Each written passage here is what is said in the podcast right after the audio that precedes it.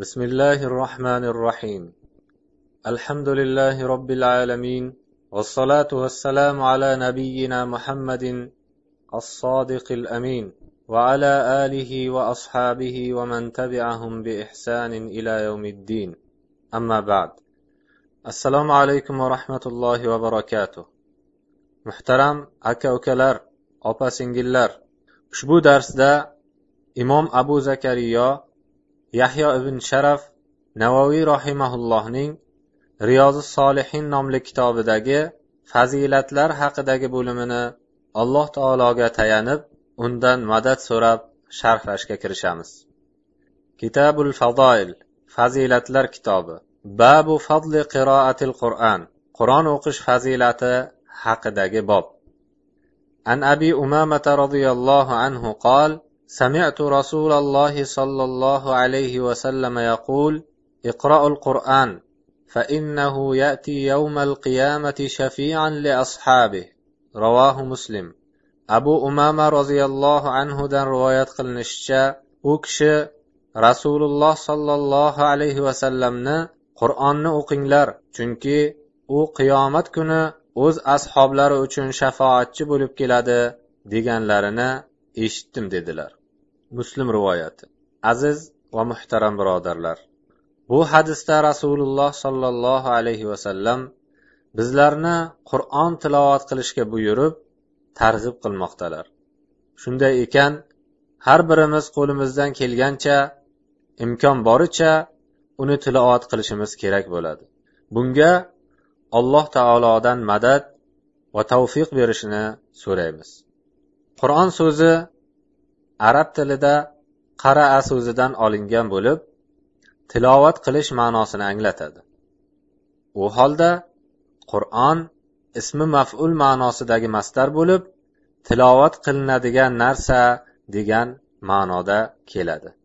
Yoki jamaa ya'ni jamladi ma'nosini anglatib ismi foil ma'nosidagi masdar bo'ladi. Chunki u xabarlar va hukmlarni o'zida jamlagan.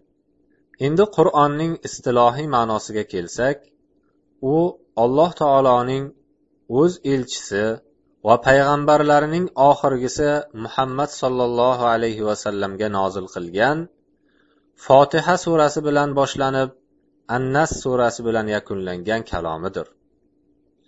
Alloh taolo bu muqaddas kitobni o'zgartirish unga ziyoda so'zlar kiritish yoki kamaytirish va so'zlarining o'rinlarini alishtirish kabi kirdikorlardan saqlab uni o'z himoyasiga olgan. Va bu to'g'risida o'z kitobida albatta bu eslatmani ya'ni qur'onni biz o'zimiz nozil qildik. Va shubhasiz o'zimiz uni saqlaguvchimiz deb aytgan. Islom ta'limotiga ko'ra qur'on ilohiy kitoblarning so'nggisidir yuqoridagi oyatda esa alloh taolo uni to qiyomatgacha yo'qotmay buzmay saqlashni o'z zimmasiga olganini bayon qilgan. Shu sababli ilgarigi ummatlarga nozil qilingan boshqa ilohiy kitoblarga o'zgarishlar kiritilib buzilgani holda qur'oni karim mana o'n to'rt asrdan buyon rasululloh sollallohu alayhi vasallamga qanday nozil qilingan bo'lsa xuddi o'shanday saqlanib kelmoqda. Yana shuni aytib o'tish kerakki qur'onning bir necha ism va sifatlari bor. Uning ismlari imom ibn juzziy g'arnotiy rahimaulloh aytishlaricha to'rtta. Qur'on furqon kitob va zikr. Boshqalari esa uning ismi emas balki sifatlaridir. Masalan azim karim va majid deb sifatlash va hokazo. Qiyomat kuni esa barcha haloyiq qabrlaridan qayta tirilib turadigan kun bo'lib unga ishonishlik iymon rukunlaridan biri hisoblanadi.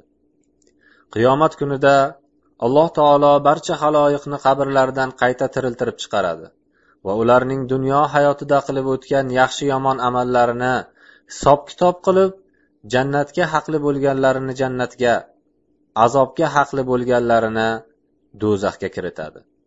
Alloh taolodan bizlarni solih bandalardan qilib firdavs jannatlariga kiritishini va munofiq kofir bandalaridan uzoq qilib do'zax o'tidan saqlashini yolvorib so'rab qolamiz. Ibnul asir rahimaulloh zikr qilishlaricha shafoatning ma'nosi o'zaro qilingan gunoh va jinoyatlarni kechirishni so'rash degani. Mushaffa shafoatni qabul qiladigan shaxs mushaffa esa shafoati qabul qilinadigan shaxs ekan. Al azhariy tahzibul lug'at kitobida shafoat homiyning o'zgalar hojati uchun podshohga aytadigan gapi degan ekanlar. وعن النواس بن سمعان رضي الله عنه قال سمعت رسول الله صلى الله عليه وسلم يقول يؤتى يوم القيامة بالقرآن وأهله الذين كانوا يعملون به في الدنيا. تقدمه سورة البقرة وآل عمران تحاجان عن صاحبهما. رواه مسلم. navvos ibn samon roziyallohu anhudan rivoyat qilinishicha u kishi rasululloh sollallohu alayhi vasallamni qiyomat kuni qur'on va dunyoda unga amal qilgan kishilar keltiriladi. Uning oldida baqara va oli imron surasi o'z sohiblarini mudofaa qilgan holda keladi deganlarini eshitdim dedilar. Hadisdagi qur'on sohibi va qur'on ahli degan so'zlardan maqsad uni tilovat qilib unga amal qiladigan kishidir. Baqara va oli imron qur'ondagi eng uzun suralardan bo'lib fazilatlari juda ko'pdir. Imom abu zakariyo yahyo ibn sharaf navoiy rahimaulloh aytishlaricha ulamolar bu ikki surada nur hidoyat va buyuk ajr bo'lganligi uchun ularni zahrovayn deb nomlangan deyishgan ekan.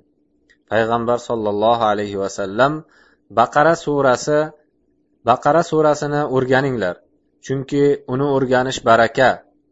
Tark etish hasrat nadomat va unga sehrgarlarning kuch va toqati yetmaydi degan ekanlar. Kim baqara surasining oxirgi ikki oyatini o'qisa ikkalasi unga kifoya qiladi. Oyatal kursini o'qisa uni alloh taoloning farishtalari asraydi va tong otguncha unga shayton yaqinlashmaydi.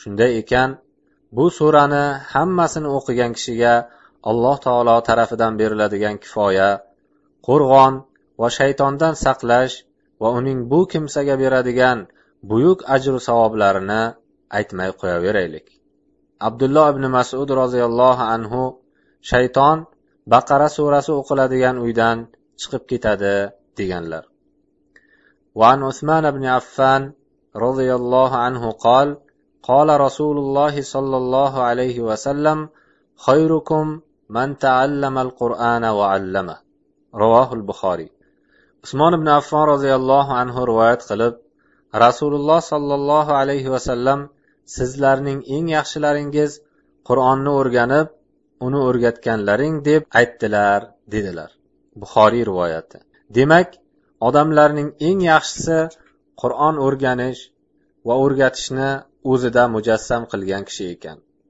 Qur'on qur'onni o'rganish va o'rgatish uni lafz va ma'nolarini o'rganishni o'z ichiga oladi. Qur'on tilovatini boshqalarga o'rgatib uni yodlatgan kishi ta'lim berish sifatiga ega bo'lganidek uni shu yo'sinda o'rgangan kishi ta'lim olish sifatiga ega bo'ladi. Bu bilan ko'plab masjid va qorixonalardagi qur'on yodlatish halaqalarining fazilatini anglab yetamiz. Payg'ambar sollallohu alayhi vasallamning sizlarning eng yaxshilaringiz qur'onni o'rganib uni o'rgatganlaring degan hadislari shu halaqalarga bolalarini o'qishga kiritgan unga infoq ehson qilgan qur'onni o'qitib o'rgatgan kabi kishilarni o'z ichiga oladi. Shuningdek qur'on ma'nolarini tafsir qilishning ham o'ziga yarasha qonun qoidalari bor payg'ambar sollallohu alayhi vasallamning kim qur'onni mustaqil fikri bilan tafsir qilsa o'z o'rnini do'zaxdan olsin degan hadislari har qanday kishini qur'onni o'zi bilganidek tafsir qilishidan qaytarishga kifoya qilsa kerak وعن عائشة رضي الله عنها قالت قال رسول الله صلى الله عليه وسلم الذي يقرأ القرآن وهو ماهر به مع السفرة الكرام البررة والذي يقرأ القرآن ويتتعتع فيه وهو عليه شاق له أجران متفق عليه oysha roziyallohu anho rivoyat qilishlaricha rasululloh sollallohu alayhi vasallam qur'onni puxta o'qiydigan kishi mukarram itoatli mirzalar ya'ni farishtalar bilan birga qur'onni tutilanib qiynalib o'qiydigan kishi uchun ikkita ajr bor degan ekanlar. Muttafaqun alayh. Qozi iyoz rohimaulloh farishtalar bilan birga bo'ladi degan jumlaning ikki ehtimoli bor. Biri oxiratda uning manzillari bo'lib o'sha manzillarda farishtalarga hamroh bo'lishi bo'lsa ikkinchisi u farishtalar amalini qiluvchi ularning yo'lini tutuvchi ekanligi deydilar. Qur'onni puxta pishiq o'qib o'rgangan kishi farishtalar bilan birga bo'ladi.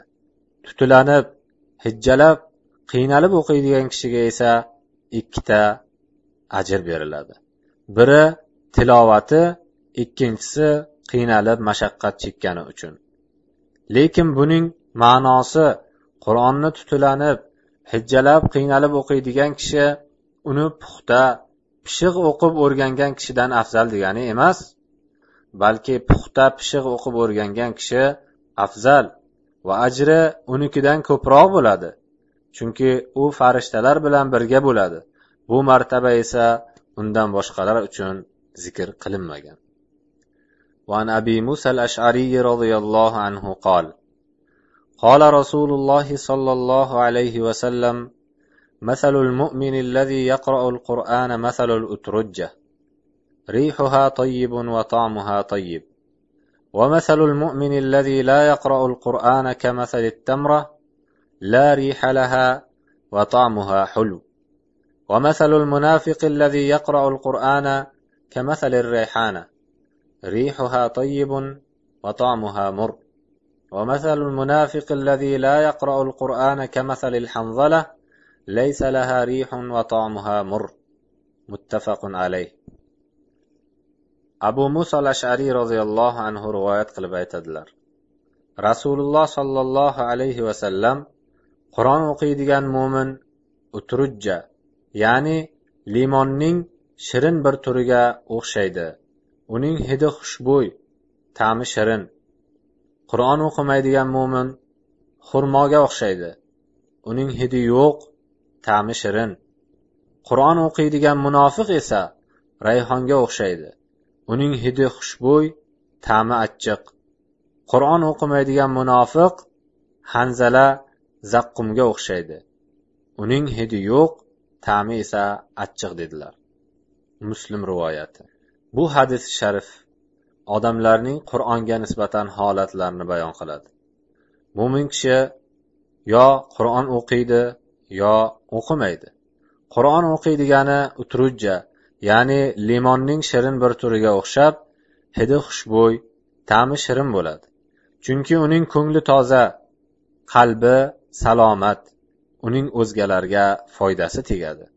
U bilan hamsuhbat bo'lishlikning o'zi yaxshilikdir. Darvoqe payg'ambar sollallohu alayhi vasallam solih hamsuhbat kishi misk sotadigan attorga o'xshaydi. Yo sen undan sotib olasan yoki uning xushbo'y hidini bahra olasan deganlar. Qur'on o'qimaydigani esa ta'mi shirin lekin hidi yo'q xurmoga o'xshaydi. Demak qur'onni o'rganib uni o'qiydigan mo'min uni o'rganmagan va uni o'qimaydigan mo'mindan anchagina afzal ekan. Qur'on o'qiydigan munofiq esa xushbo'y ta'mi achchiq rayhonga o'xshaydi. Chunki u yaramas befoyda insondir. Hidi xushbo'yligining boisi u o'qiydigan qur'on tufayli. Ta'mining achchiqligi esa uning qalbi qora niyati buzuq va ikki yuzlamachi ekanligi uchundir. Alloh taolo o'z kitobida munofiqlar haqida shunday deydi. Odamlar orasida shunday kimsalar ham borki o'zlari mo'min bo'lmagan holda allohga va oxirat kuniga iymon keltirdik deydilar. Ular ollohni va iymonli kishilarni aldamoqchi bo'ladilar va o'zlari sezmagan holda faqat o'zlarinigina aldaydilar.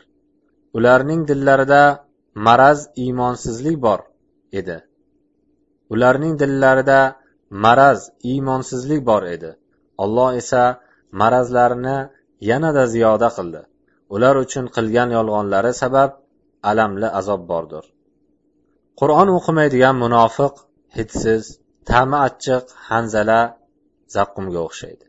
Chunki bu munofiqda odamlar foydalanadigan hech qanday yaxshilik yo'q balki turgan bitgani zarardir. yeru osmonlarni yaratgan yolg'iz rabbimizdan hammamizni qur'on o'qib uni haqiqiy tilovat qiladigan mo'minlardan qilishini yolvorib so'raymiz وعن عمر بن الخطاب رضي الله عنه أن النبي صلى الله عليه وسلم قال إن الله يرفع بهذا الكتاب أقواما ويضع به آخرين رواه مسلم umar ibn xattob roziyallohu anhu rivoyat qilishlaricha payg'ambar sollallohu alayhi vasallam olloh bu kitob ya'ni qur'on bilan ba'zi qavmlarning martabasini ko'tarib ba'zilarining martabasini pasaytiradi degan ekanlar. Muslim rivoyati. Qur'oni karimni ko'pchilik o'qib tilovat qilib qo'lga oladi. Alloh taolo shulardan ba'zilarining martabalarini dunyoyu oxiratda baland va ba'zilarinikini past qiladi. Ajabo ular kimlar? Kimki qur'onda kelgan xabarlarni tasdiqlab buyruqlarini bajarib qaytargan narsalardan chetlanib uning hidoyatidan nur olib uning axloqlarini o'ziga singdirib unga amal qilsa alloh taolo uning martabasini baland qiladi. Chunki qur'oni karim ilmning asl manbasidir. Alloh taolo olloh sizlardan iymon keltirgan va ilm ato etilgan zotlarni baland daraja martabalarga ko'tarur deb bejizga aytmagan. Endi alloh taolo martabalarni past qiladigan kishilarga kelsak ular ham qur'on tilovatini joyiga qo'yib o'qigan lekin uning xabarlarini inkor etib ahkomlariga amal qilmay unga amal qilishdan kibr qilgan baxtsiz kimsalardir. alloh taolodan hammamizni qur'on bilan martabasini baland qiladigan kimsalardan qilib martabasini past qiladigan kimsalardan uzoq qilishini yolvorib so'rab qolamiz عن ابن عمر رضي الله عنهما عن النبي صلى الله عليه وسلم قال لا حسد إلا في اثنتين رجل آتاه الله القرآن فهو يقوم به آناء الليل وآناء النهار ورجل آتاه الله مالا فهو ينفقه آناء الليل وآناء النهار متفق عليه والآناء الساعات abdulloh ibn umar roziyallohu anhu rivoyat qilishlaricha payg'ambar sollallohu alayhi vasallam hasad faqat ikkita narsadagina bo'ladi biri alloh taolo unga qur'on berib uni kechayu kunduz namozlarida o'qib unga amal qiladigan kishi ikkinchisi alloh taolo unga mol dunyo ato etib uni kechayu kunduz infoq ehson qilgan kishidir degan ekanlar. Muttafaqun alayh. Bu hadisdagi hasad so'zi arab tilida g'ibta ya'ni havas qilish ma'nosida kelgan. Demak faqat mana shu ikkala sifatga erishgan kishilargagina havas qilsa bo'lar ekan.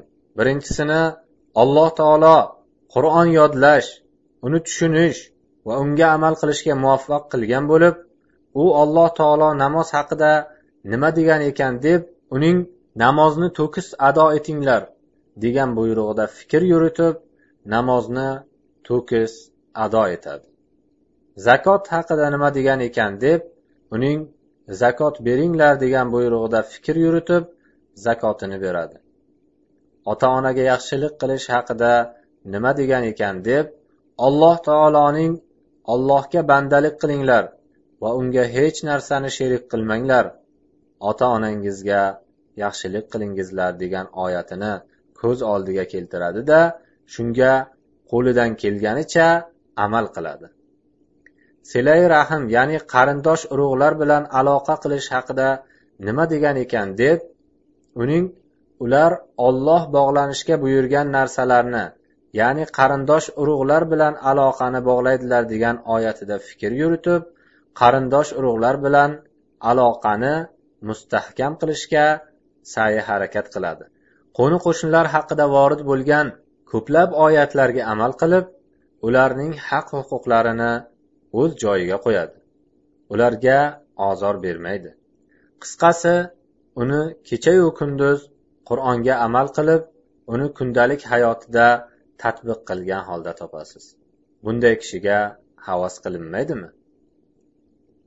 Ikkinchisi alloh taolo unga mol dunyo ato qilgan kimsa bo'lib bu molu dunyoni kechayu kunduz alloh rozi bo'ladigan yo'llarga sarflaydi. Masalan masjid quradi yo faqir miskinlarga sadaqa beradi yoki muhtojlarga yordam qiladi va hokazo qisqasi allohga yaqin qiladigan qanday yo'l topsa molini shu yo'lga sarflaydi lekin shuni eslatib o'tish kerakki u qilayotgan ehsonlarini shariatga muvofiq isrofsiz minnatsiz ato qiladi bunday zotlar ham havas qilishga arziydigan insonlardir وعن البراء بن عازب رضي الله عنهما قال كان رجل يقرأ سورة الكهف وعنده فرس مربوط بشطنين فتغشته سحابة فجعلت تدنو وجعل فرسه ينفر منها. فلما أصبح أتى النبي صلى الله عليه وسلم فذكر ذلك له.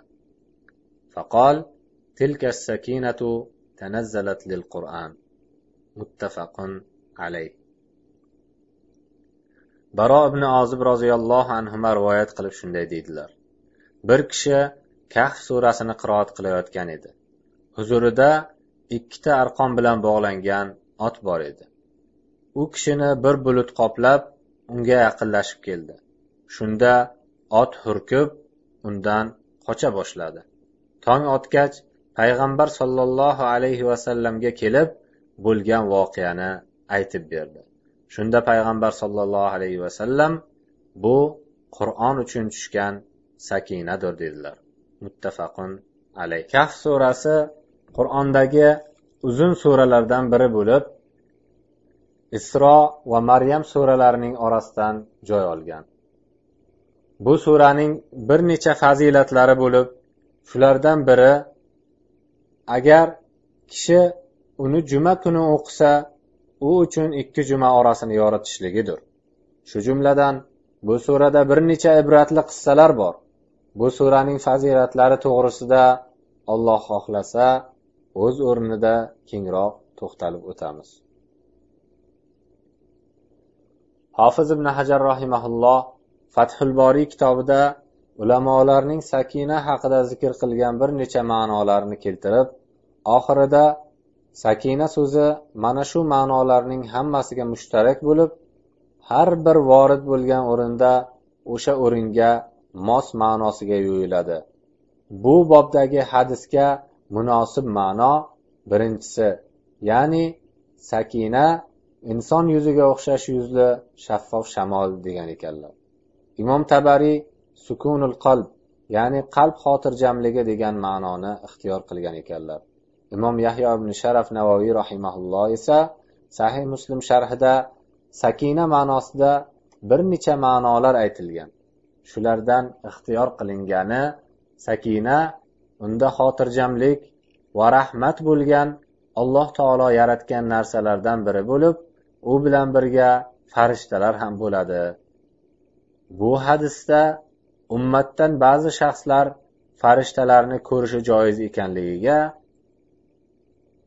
qur'on o'qish fazilati va uning rahmat nozil bo'lish va farishtalar bu qiroatga hozir bo'lishlariga sabab bo'lishiga va qur'on tilovatini tinglash fazilatiga dalil bor deydilar وعن ابن مسعود رضي الله عنه قال قال رسول الله صلى الله عليه وسلم من قرأ حرفا من كتاب الله فله حسنة والحسنة بعشر أمثالها. لا أقول ألف لام ميم حرف ولكن ألف حرف ولام حرف وميم حرف. رواه الترمذي وقال حديث حسن صحيح. عبد الله بن مسعود رضي الله عنه ديدلر. رسول الله صلى الله عليه وسلم كم الله تعالى taoloning kitobi ya'ni qur'ondan bir harf o'qisa unga bir hasana oladi. Hasana esa o'n barobar qilib beriladi.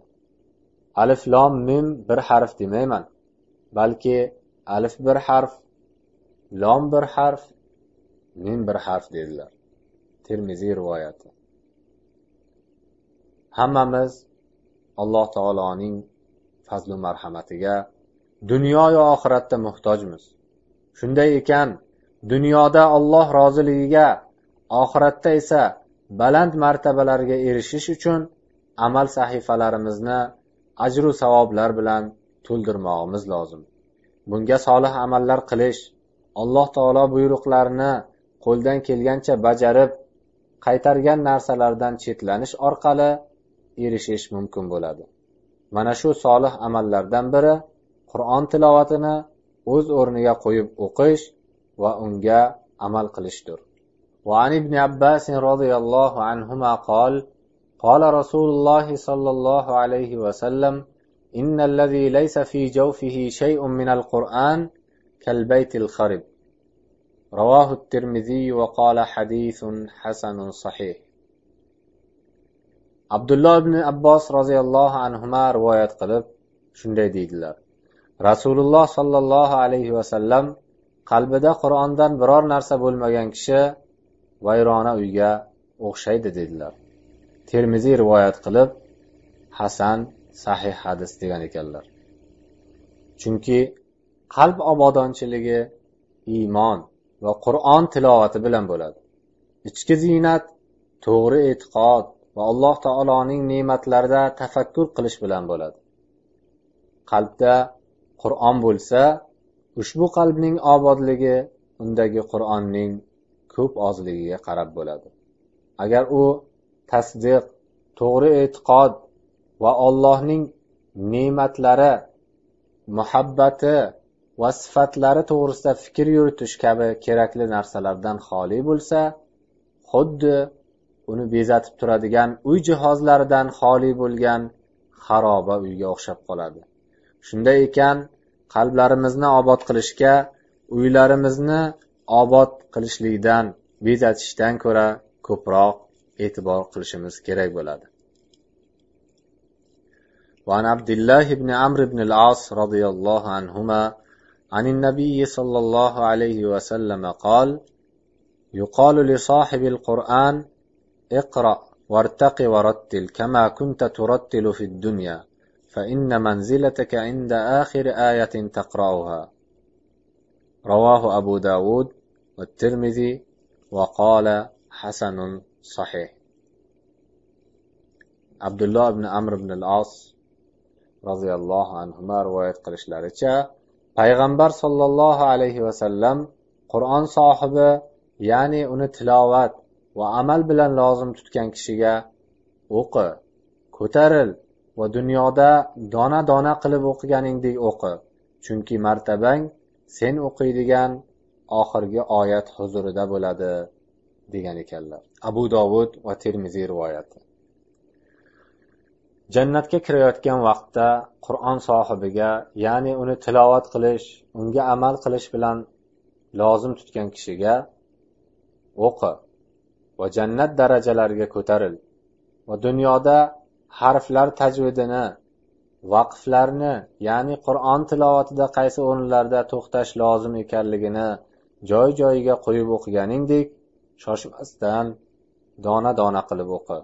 Chunki manziling sen o'qiydigan oxirgi oyat huzurida bo'ladi deb aytiladi. Bu hadisdan olinadigan foydalardan biri bu katta ajru savobga faqatgina qur'onni yodlab uni qur'onga munosib tarzda puxta o'qib ado etgan shaxsgina erishishligi ekan. Hattobiy rahimaulloh asarda rivoyat qilinishicha qur'on oyatlarining soni jannat darajalarining sonicha ekan. Qoriga o'qi.